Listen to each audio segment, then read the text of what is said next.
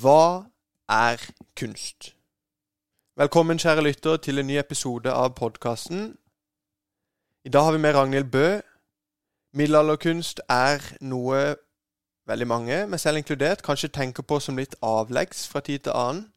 Jeg har i hvert fall veldig vanskeligheter med å nærme meg disse verkene på en ja, meningsfull måte. Og Derfor så var det utrolig kult og spennende å snakke med dagens gjest, Ragnhild Bø, som sagt, som er førstelektor og underviser i nettopp middelalderkunst på UiO. Vi snakker om middelalderkunst, vi snakker om Ragnhilds vei inn i kunsten, og kunstneren Giotto får spesielt mye tid.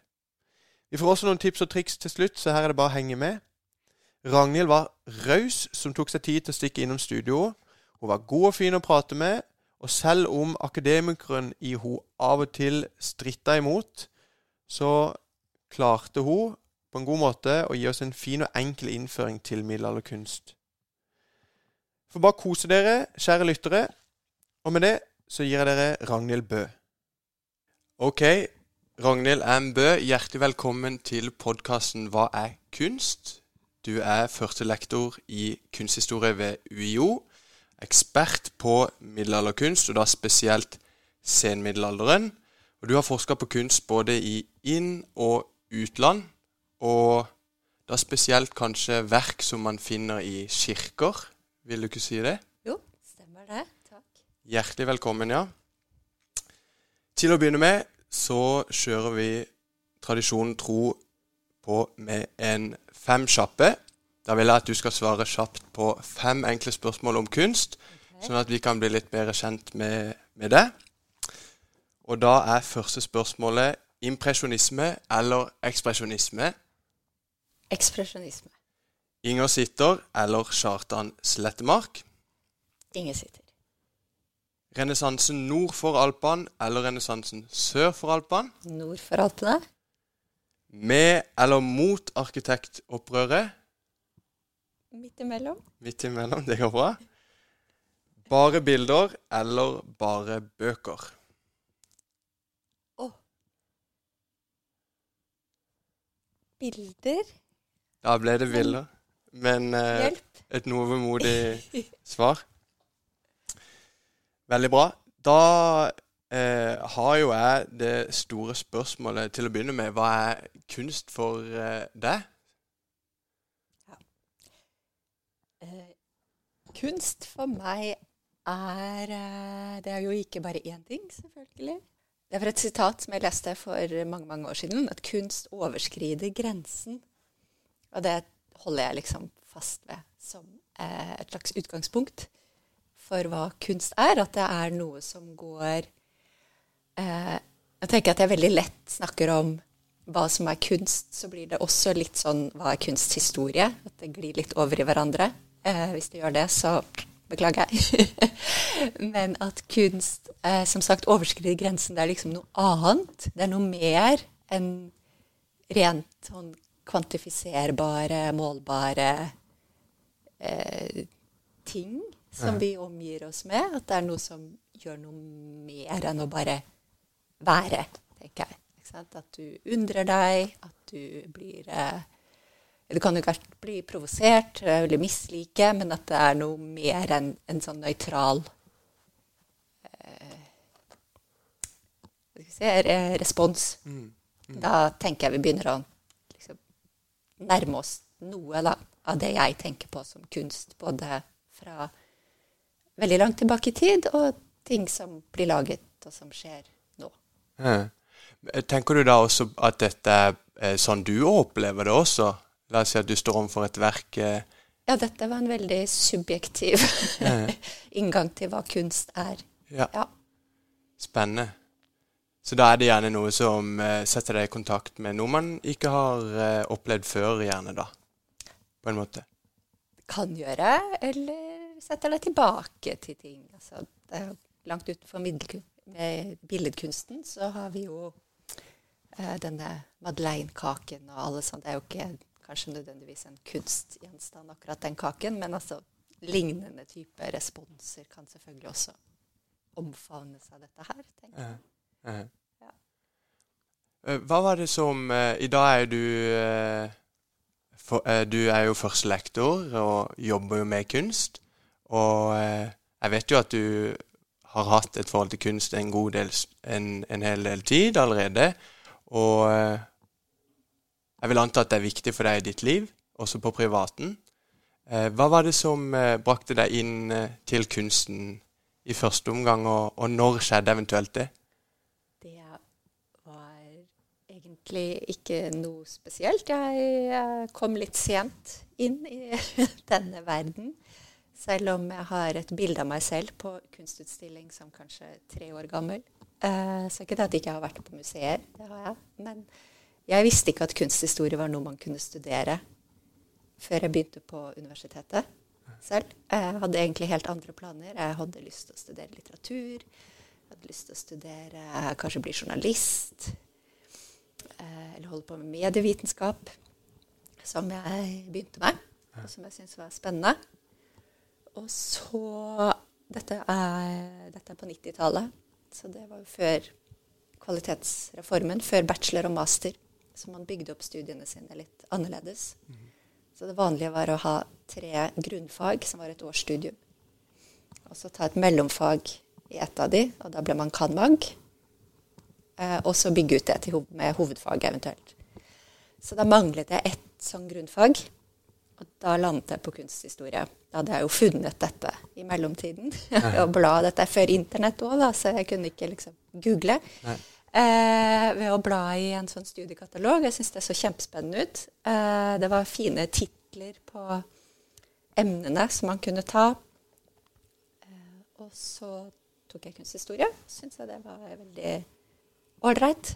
Så da tok jeg mellomfag i kunsthistorie, og så tok jeg hovedfag i kunsthistorie. og da ble jeg jo kunsthistoriker. Uh -huh. mm.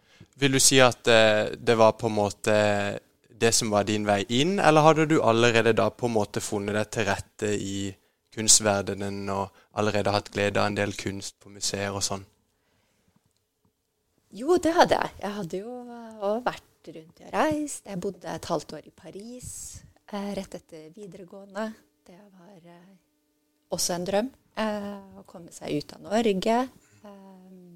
Igjen, vi snakker før internett, og verden så litt annerledes ut. Mm. Eh, så jeg hadde hatt mange fine kunstopplevelser. Ikke nødvendigvis med middelalder, som jeg har endt opp med. Um, men blant annet. Men jeg vil ikke si at jeg nødvendigvis fant meg så veldig til rette i kunstverden, egentlig. Og jeg ble veldig overraska over noen av medstudentene mine som var veldig mye mer innforstått med den verden. Det tror jeg er veldig vanlig eh, med den utdanningsrevolusjonen som vi har hatt i Norge fra 90-tallet og utover. At veldig mange er sånn førstegenerasjons akademikere og finner ting selv. Mens noen kommer fra ja, la oss kalle det akademikerfamilier, da, og har liksom en større Dette er jo ofte Senest denne uka her har det jo vært publisert saker om det i Krono og Forskerforum og sånn, om hvordan det er å komme utenfra inn. Mm. Eh, som jeg kanskje gjorde litt i kunsthistorie spesielt, da. Mm. Mm. Og så etter hvert så fant du på en eller annen måte middelalderkunsten som, etter, som skulle bli ditt eh, felt, i hvert fall på, på, på forskningssida. Hvordan eh, havna du der? Det husker jeg bedre. Det var fordi jeg ble så fascinert av gotikken og katedralarkitekturen spesielt. Da jeg gikk på dette grunnfaget. Vi hadde en veldig dyktig foreleser. Eh, og det var noe ja, veldig tiltalende da, med de enorme rommene og spissbuene og glassmaleriene og Apropos eh, overskride grensen. Det var kanskje noe der, da. Ja. Og så hadde jeg lyst til å holde på med gotikken, så jeg skrev om eh, gotisk arkitektur på uh, hovedfag. Det gjorde jeg. Så det var inngangen til middelalderen. Nå har jeg nok forlatt arkitekturen i veldig stor grad, men jeg er jo fortsatt i perioden. For oss som ikke er så kjent med, med gotikken og, og katedraler, eh, Eh, er Nidarosdomen et eksempel? Ja. Ja, den er det. En eh, sterkt restaurert katedral, men den har jo originale elementer også. Så ja, den er gotisk. Veldig bra. Da har vi et eh, konkret bilde. Nå tenker jeg vi må, vi må komme oss inn i, i middelalderkunsten, som er ditt eh, ekspertfelt. Eh, og det er en krevende oppgave. Vi snakker jo om en epoke som brer eh, seg liksom over 1000 år i Europa. Det er en eh, epoke som til dels vel har fått navnet sitt fordi eh, det er begrensa med informasjon om denne tida sammenligna med andre tider, fordi den var så konfliktfylt, og det var veldig lite stabilitet, i hvert fall i begynnelsen av middelalderen. Og eh, eh, i Norge så skjer det jo igjen, da, i hvert fall i begynnelsen, veldig lite. I hvert fall i kunsthistorisk sammenheng. Det må vel være riktig å si, er det ikke det, Ragnhild? Eh, ja og nei. Det skjer jo mye her òg, men det er eh, bevart i litt annet omfang. Uh -huh. Eh, og vi har jo ikke noen skriftlige kilder som begrenser kunnskapen noe. Eh, ingen arkeologer vil være enig i at ikke det skjer noe i Nei. Norge i eh, det som her er jernalderen og vikingtid, og som Ja. vi jo liksom går over i det vi kaller middelalder i Norge, da. Uh -huh. Men i hvert fall ikke noe som har skrevet inn i den store kunsthistorien. Nei, hvis man ser på et sånt oversiktsverk som er veldig vanlig å bruke på universitetet, som vi kaller for Gardner, som er fra den opprinnelige forfatteren, Helen Gardner. Det er veldig lenge siden hun døde, men den boka Nå er det jo et stort kobbel av forfattere, men den heter liksom fortsatt 'Gardners Art Through the Ages'. Mhm. Så er jo de norske bidragene der, det er fra Osebergskipet, vikingskipet. Mm. Eh, og så er det stavkirkeportal Mm. som er med. Og Munch, selvfølgelig, men Mhm. det er langt senere. Og det er de. så det er jo egentlig nesten motsatt av det du sa da. Det er jo på de tidlige periodene at Norge faktisk bidrar inn i verdenskunsten. Det er Veldig men eh, vi er jo kanskje ikke alltid så oppmerksomme på at det er en del av eh, Eller veldig få kunsthistorikere eh, som jobber med den perioden i dag. Eh, ja, det er litt sånn arkeologiens domene, men gjenstandene er jo absolutt mulig å studere med kunsthistorisk begrepsapparat. Uh. Og det er gjort, altså. Det er Ja. ikke, ja. Og der har du sikkert også bidratt eh, til feltet. Er det Nei, jeg er nok litt senere, okay. så jeg kom jo på en måte inn med kristen kunst. Ikke sant? Ja. I senmiddelalderen. Ja. Før vi begynner på Europa, da, er det da liksom eh, Altså, hva det heter liksom Disse innskjæringene da man ser på typisk, og med kunsthistoriske briller, hvis man tillater seg det, eller hva er det som gjør at eh, disse to nevnte eksemplene har havna i denne kunsthistorieboka? Ja, det er treskjærerkunsten. Mhm. Eh, en ting er jo at det er bevart i tre, Mhm. som er veldig sjelden, for tre er jo eh, ikke så lett å eh, Det holder seg jo ikke så godt i forhold til stein, f.eks. Eh, men disse har jo vært eh, Ikke stavkirkeportalene, da, men skipet har jo vært nedgravd, så det er jo konservert. Eh, og portalene er jo sterkt impregnert. De er jo med tjære og ikke sant? De har vært Nå har jo de også ofte blitt byttet ut, og, men vi har jo noen originale deler igjen. Mhm. F.eks. fra Urnes Mhm. stavkirke, Mhm. Som jo er den som er med i Gardner. um, og der er det jo en overgang fra den dyre ornamentikken som du også finner på uh, andre typer, ja, altså viking, de um, sånn skulderbrosjer og andre typer brosjer og sverdklinger og ja. En vikingornamentikk Mhm. dyrestiler som går Det er femsti, de kan ikke jeg på men ringerik stil Ringeriksstil og Urnes-stil. Så Urnes er den siste, og så går det over i eh, Etter at Norge blir et kristent land. Det starter, blir med inn i kirkekunsten. Og så begynner man jo også å se på eh, Få eh, større input fra Europa med det store kristne fellesskapet.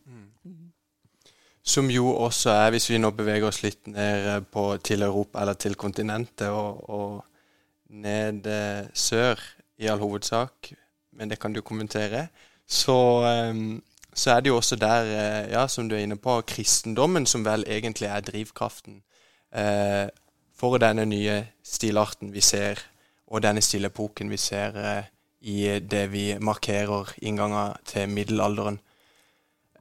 ja, eller det er jo kirkebyggingen eksploderer jo på et tidspunkt. -huh. Eh, før denne gotiske stilen, som jeg var så fascinert av, så har du jo romansk stil, som eh, med ja, runde buer istedenfor spisse, og tjukke murvegger istedenfor tynne, eh, som er veldig sånn paneuropeisk. Eh, gamle Aker kirke i Oslo er jo det nærmeste eksempelet. Spennende. Ja. Eh, så vi har flere kirker i Norge som også er i den stilen. Som er bygd på eh, ja, 1100-tallet, først og fremst her i Norge. Ja. Eh, også tidligere litt lenger sør. Hvis vi begynner på tidlig middelalder, hva er det på en måte som kjennetegner verk fra denne tida her? Litt ettersom Altså det er eh, ja, For kirkebyggene så er det altså at de har veldig tykke vegger, eh, runde buer eh, Inni, så hvis du tenker på f.eks. krusifikser, altså Kristus som henger på korset, så er han en eh, seirende Kristus med krone. Eh, han ser ofte rett på betrakterne eh, og har eh, lite blodspor og sant, Han er et Han har gjenoppstått, da, så han fremstår som en, en levende, men eh, korsfestet. En blanding av det. Eh, tidlig, og så er det jo veldig mange ulike ting som spiller inn på at Kristusfiguren etter hvert blir eh, mer sant, Han på en måte mer et menneske. Eh, og at han istedenfor krone, så får han tornekrone. Eh, det er tydelig sår fra både de vant sant, i hendene, eh, lansestikk i siden, føttene. Eh, det renner blod fra disse sårene, og kanskje også at han, er, han ble jo pisket først. Altså han har disse piskesårene i tillegg. Eh, og istedenfor å stå med armene rett ut, så henger han jo ofte eh, Altså det er jo en eh, grusom måte å dø på. Eh, å bli korsfesta. Eh, sånn at det er jo mer Fremstiller den smerten, da, i mye, mye større grad. Den fysiske biten. Ja. Og dette skiftet her gjenspeiler vel et eh, ønske i formidlinga til kirka, som jeg har forstått er en av de viktigste drivkraftene for kunstnere på denne tida. Nettopp at de skulle formidle noe, og da gjerne det kristne budskap, til sine religiøse brødre. Ja. Stemmer ikke det? Så veldig eh, Det er jo vanskelig for eh, akademikere å snakke om ting kort. Men eh, altså, sant, først så skal jo kristendommen eh, vise at dette er den sanne religionen. Det er denne du bør følge. Og da er klart det er jo dette triumf eh, Den triumflooken eh, viktig. Eh, etter hvert så er jo ikke det nødvendig, for da er jo hele den styrende samfunnsgruppa, konger, eh, er jo kristne og følger denne troen. Eh, institusjonen Kirken er godt etablert, også i Norge. Så da er det jo mer den enkelte sitt forhold til Kristus som står i sentrum, og hvordan man skal bli eh, oppfordret til ja, bønn og ulike gode handlinger gjennom å se på ja, annet Kristus. Dette er jo bare ett eksempel. Det er jo skulpturer av veldig mange andre også. Eh, både Jomfru Maria og helgener. Eh, ja. Hva eh, hvis, hvis, vi ser på et uh, typisk bilde fra middelalderen, så henger det vel noen eksempler på Nasjonalmuseet, hvis ikke dette er helt feil. Så er jo de gjerne ganske enkle etter sånn Eller i hvert fall sammenligna med i dag. Og eh, for eksempel hvis du ser et, et, eh, et maleri av Jesusbarnet, så kan det virke veldig rart å se på. Det kan ligne på nesten et voksen baby. Mhm. Hva var det kunstnerne prøvde på i denne tida, hvis du forstår? Hva, det, hva slags idealer var det de forsøkte å leve opp til? Oi. Eh, det er jo et veldig godt spørsmål, og eh, litt vanskelig for meg å svare på, selv om jeg kanskje var inne på Så jeg tenker det der med å eh, fremstille Kristus som en baby, selv om det er jo helt tydelig sånn han kommer til verden. At ordet blir kjøtt, det er jo i form av et barn. Eh, så er han jo lenge en sånn minivoksen, som du sa. Eh, og igjen så har det kanskje noe med en slags respekt eller eh, Ja. Og så igjen, da, når han denne menneskeliggjøringen av Kristusfiguren eh, speiler seg også i fremstillinger, og så får du mer troverdige babyer. Bare for å ta det aspektet. Ja. Ellers så har du jo rett i at middelalderkunsten ofte fremstår som litt sånn flat, kanskje. Den har jo ikke noe perspektiv. Det kommer jo senere med renessanse, mer sånn kunstteoretiske innganger til hvordan bygge opp et bilde. Eh, om noe så har den jo et verdiperspektiv ofte, sant? hvor de viktigste personene, Kristus, er størst. Eh, og eh, ja, flater eh, Det viktigste er jo igjen hvordan At du skal opp, klare å observere det du ser, ikke så mye at noe er korrekt eh, eller naturtro eller Ja. Jeg har hørt at Eller la meg si det sånn her, da. Idet man står overfor disse verkene, eh, og de mangler dette sentralperspektivet, og de kan fremstå som litt sånn barnetegningaktig, eh, så kan man konkludere med at dette er på en måte tilbakelagt. Det har vært viktig en gang i tida, på veien til f.eks. disse fantastiske renessansebildene. Men i dag er det på en måte ikke så viktig. Samtidig så er det jo mange som beundrer disse middelalderverkene. Hvis du skulle trukket frem noe som på en måte man kan lære, eller noen fordeler ved denne stilen, hva ville det vært? Jeg syns jo de er like fantastiske som senere kunst. Jeg tenker det adjektivet kan man bruke om verk fra alle perioder. Eh, Men eh, eh, hva sa du nå? Lærdommen av Altså liksom, Hvis en kunstner i dag skulle la seg inspirere av et verk fra middelalderen, Mhm. et ikon, hva tror du den kunstneren på en måte hadde sett i den stilen som den kunstneren kunne bruke? Ja, jeg tenker de ser eh, Altså igjen dette med eh, klare farger, kontrastene. Eh, ofte så er jo ting malt mot en gyllen bakgrunn, eh, som jo understreker på den ene siden en slags hellighet, f.eks., eller også at dette er eh, satt utenfor tid og rom. Så trenger jo ikke dette landskapet som kommer inn senere, eh, som jo også er fint. Men uh, nettopp fordi at dette er allmenngyldig, så sånn det kan man jo videreføre, eller la seg inspirere av. Um, det er mye tenker, Hvis man rent sånn formalt så er det jo også mange som kanskje finner eh, Så mange kunstnere som maler i litt samme stil, uten at de nødvendigvis driver og lar seg inspirere av middelalderkunst. Men altså eh, Man må jo ikke nødvendigvis male veldig sånn hyperrealistisk for at en ting skal være fantastisk. Mm, mm.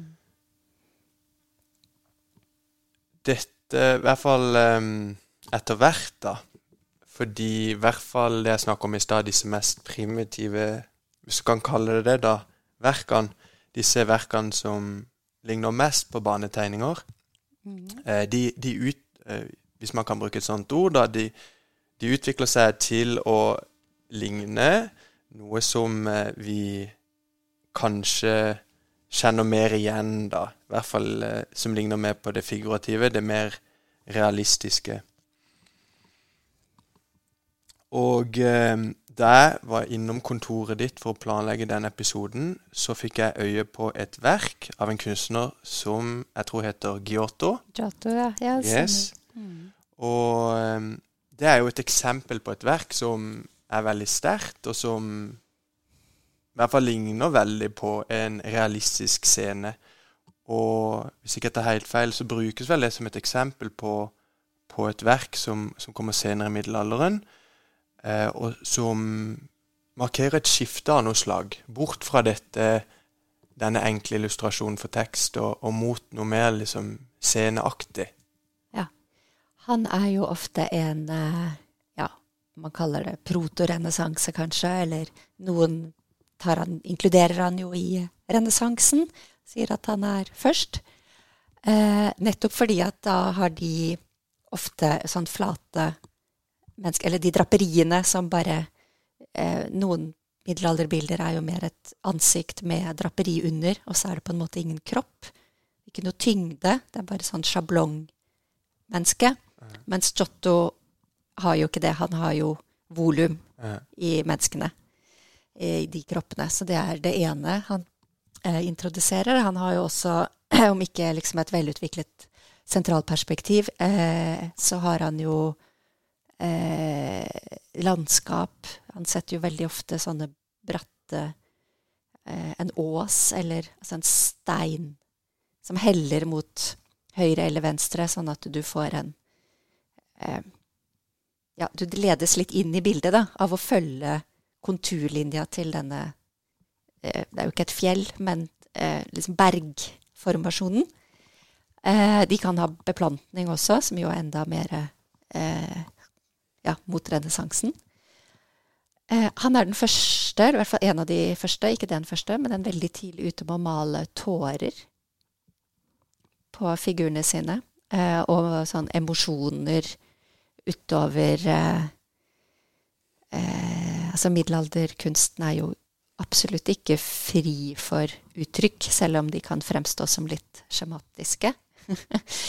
eh, det er mye gester som sånn, Tenk på ja, barnemordet i Betlehem eh, etter at altså Herodes som beordrer alle barn under to eh, eh, Og mødrene som står og sant, De har jo ja, fulle av desperasjon og sorg. Eh, så det fins. Men eh, Giotto er jo allikevel en av de som er mer sånn Jeg likte jo ekspresjonismen best på første spørsmålet ditt.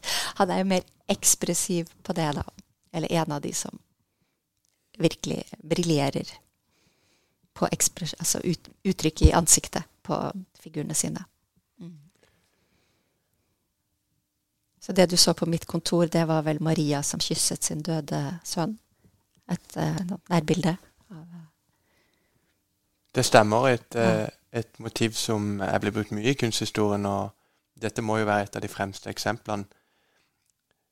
Så han er eh, først ute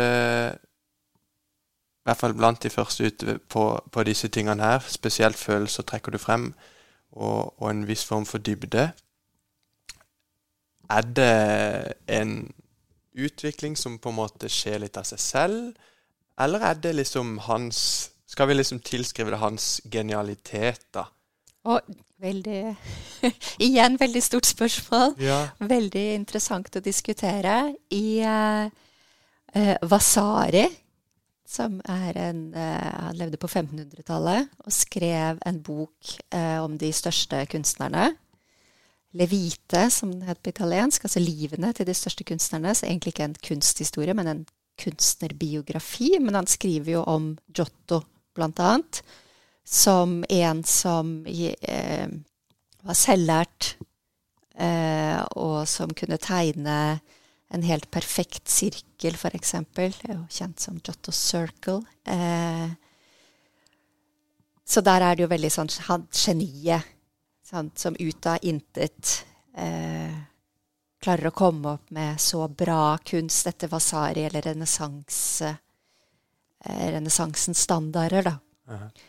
eh, men det ligger jo i det har jo hatt mange forskjellige navn av, fra ulike teoretikere, enten du tenker på Hegel eller Riegel eller alt det som man leser hvis man studerer kunsthistorisk teori og metode.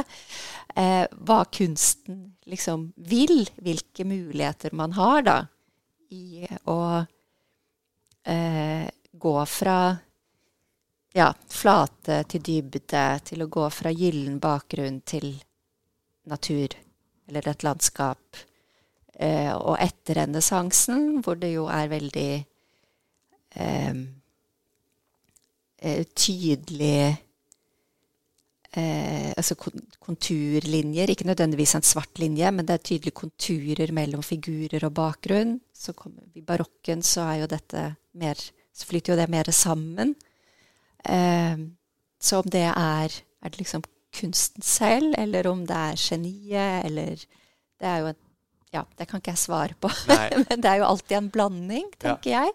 Og noen ganger så er det jo et slags eh, eh, Ja, nå må jeg bruke hermetegn, da, men et slags kvantesprang. ikke sant? En utvikling som finner sted, og veldig mange som følger. Og så får man jo en ny type stil. Eh, det har jo med eh, hva man ønsker som publikum. Altså liksom periodens øyne, periodens synsmønstre, periodens måte å tenke visuell kultur på. Eh, som er eh, ja tidstypisk. Eh, egypterne malte jo sine figurer i profil. Det var jo ikke fordi at de bare så hverandre i profil, men det er jo liksom det vi tilskriver liksom datidens eh, ønske om hvordan de skulle se ut når de ble fremstilt. Og mm. der Ja. Og jeg tenker på det du snakka om innledningsvis her, at det skjedde et skifte fra Du brukte Jesus som et eksempel, da, hvor han ble fremstilt som en eh, mektig person som hadde overvunnet døden først. Før, han så, før man så kanskje appellerte litt mer til følelser. Mm og kirka må vel også ha vært en drivkraft her hvor eh, Ja, i dette tilfellet her, da, hvor følelser får en stadig større rolle. Absolutt. Og det realistiske blir eh, mer og mer Jeg vet ikke om realistisk er riktig ord, men at det, det fremstår i hvert fall mer realistisk. Kan jeg spørre, hva er, det, hva er det du setter pris på ved det bildet? Hvorfor har du valgt eh, det som metafor på kontoret? Og det Giotto-bildet? Ja. ja for, det er fordi jeg eh, har det. Jeg eh, det er et veldig eh, fint Arena-kapellet, heter det. Er i Padova. Det er et eget rom som Ja, det er jo større enn det rommet vi sitter i nå, men det er ikke sånn enormt stort heller. Eh, som Giotto har dekorert i med to bånd av friser og så en fondvegg jeg har ikke vært der siden midten av 90-tallet. Men uh, ja, så det er faktisk fra da. Det har fulgt meg ganske lenge, da, det bildet. ja. Jeg liker det. Jeg liker den uh, Jeg har jo bare sønner selv, så det har kanskje noe med mor og sønn-dynamikken òg. Etter hvert, da. Jeg vet ikke. Jeg var på jeg var på en sånn eh, slags vors for en uke siden, faktisk. Og da, det, da spurte jeg sånn da snakka vi litt om kunst og sånn, og så stilte jeg et spørsmål til ei da, eh, som hadde virka å ha et nært forhold til kunst eh, når hun sitt eh, forrige sånn aha-øyeblikk med kunst var. Og da var det nettopp i besøk i denne kirka, hvis jeg forstår det riktig, dette rommet, hvor ja. hun så dette verket, da. Um,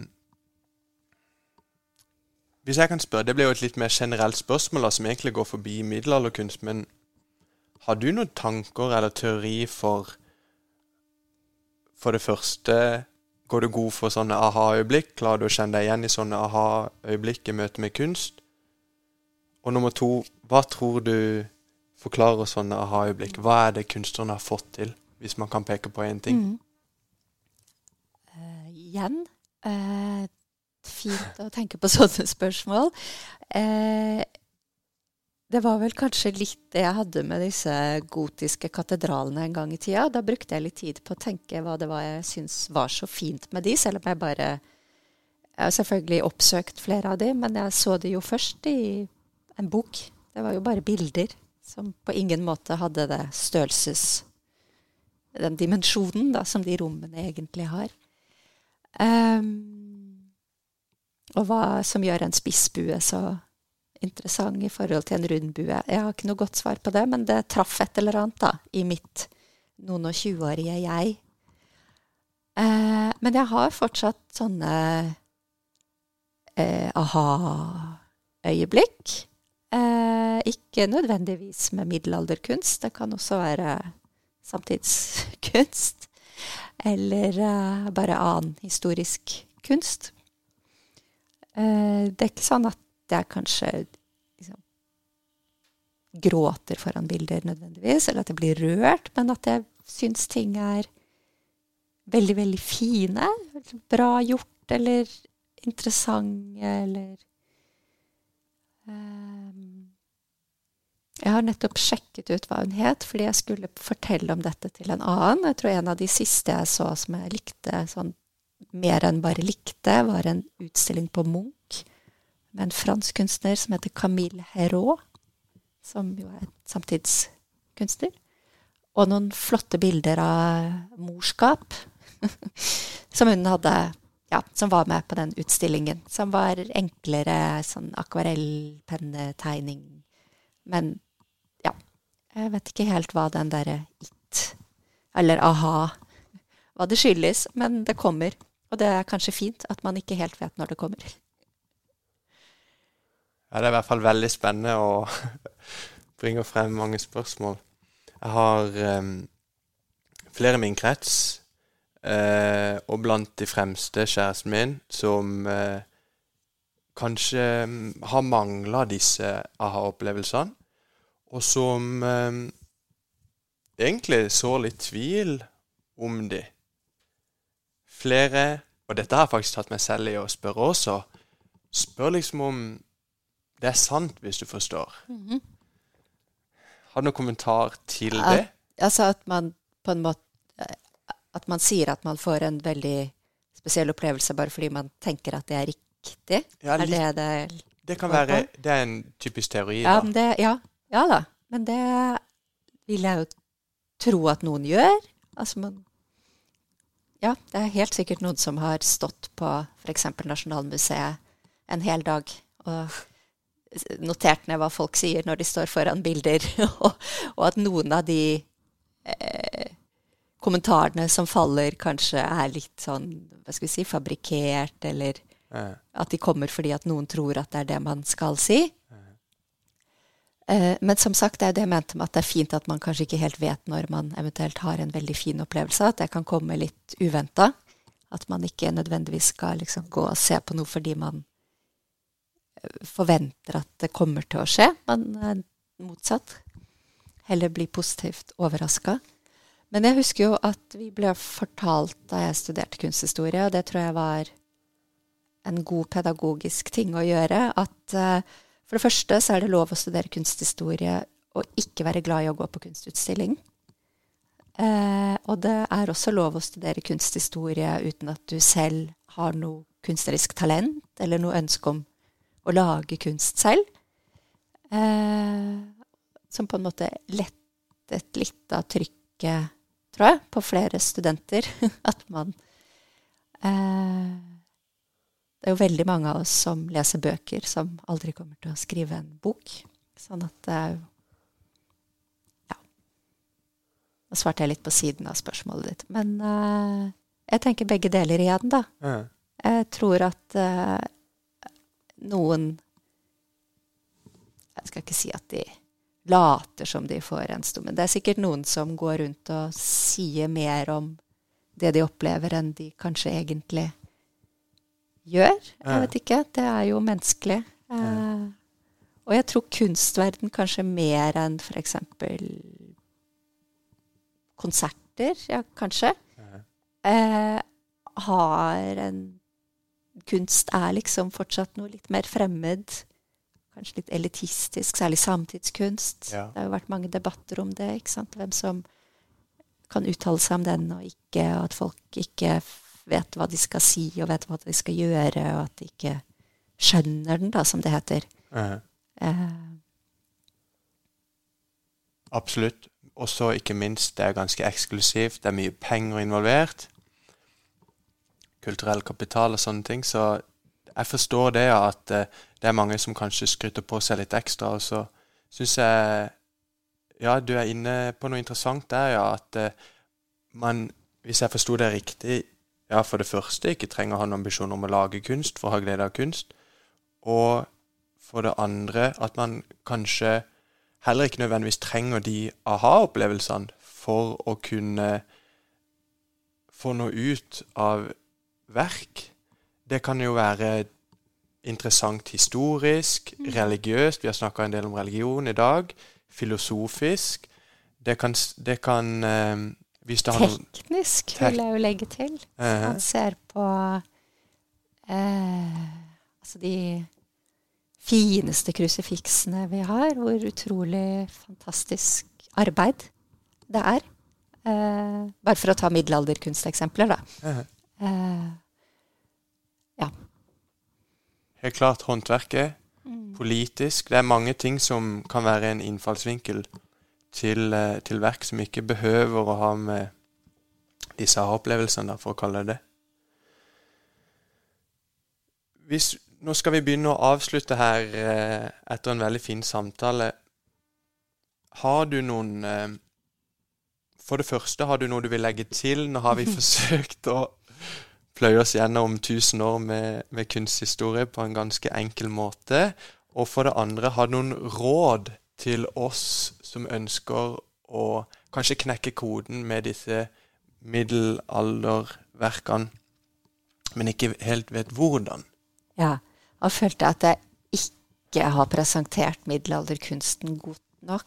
Nei, og det skal ikke du ta skylda for Men 45 minutter. jeg tenker den er jo eh, Kan jo virke litt fremmed fordi at eh, hvis man ikke kjenner til bibelhistorier, f.eks., så mister man jo ofte eh, historien eh, som er fremstilt. Eh, og i et tablå Man kan jo ha det vi kaller typologiske fremstillinger, hvor du har en gammeltestamentlig scene og en nytestamentlig scene sammenstilt, f.eks. i Giotto. Ja. Dette Arena-kapellet er jo sånn. Eh, som jo er helt bevisst, og som kan leses eh, med en sånn tydelig eh, forbindelse, men da må du jo kjenne til. Så jeg vil jo ikke si at man må på en måte kunne Bibelen på rams, det er ikke det som er poenget, men eh, sette seg inn i eh, Eller la seg bli fortalt, i hvert fall, da, eh, hva noen av de scenene betyr, vil jo gi det et større utbytte. Og bare for å legge det, gjelder jo selvfølgelig en annen type kunst som vi kanskje også har mista litt inngangen til, og det er jo alle mytologiske scener. Vi ikke kjenner til, meg selv inkludert, eh, mye av den greske mytologien, så forsvinner jo eh, litt av fortolkningsmulighetene til bildet, annet enn det rent formale.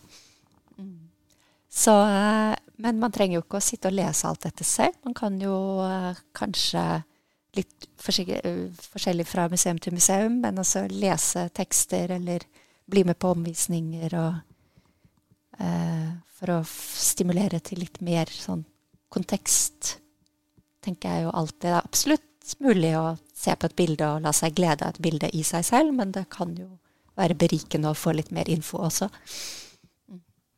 Det tenker jeg er et veldig, veldig bra tips. Tusen takk, eh, Ragnhild M. Bø, første lektor i kunsthistorie ved UiO og ekspert på middelalderkunst, for at du kom innom her. Tusen takk for invitasjonen. Takk for samtalen. Tusen takk. Ragnhild Bø, for en kunnskapsrik person.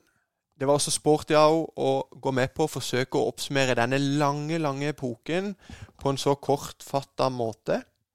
Kjærkomne tips fikk vi også på slutten der. Middelalderkunst det er vanskelig, og det er fremmedarter for mange av oss.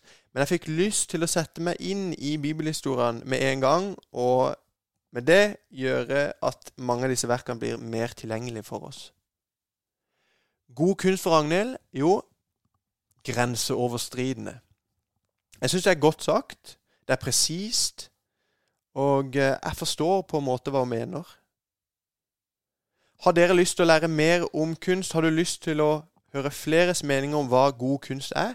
Så følg oss på Facebook under navnet Hva er kunst? Bye!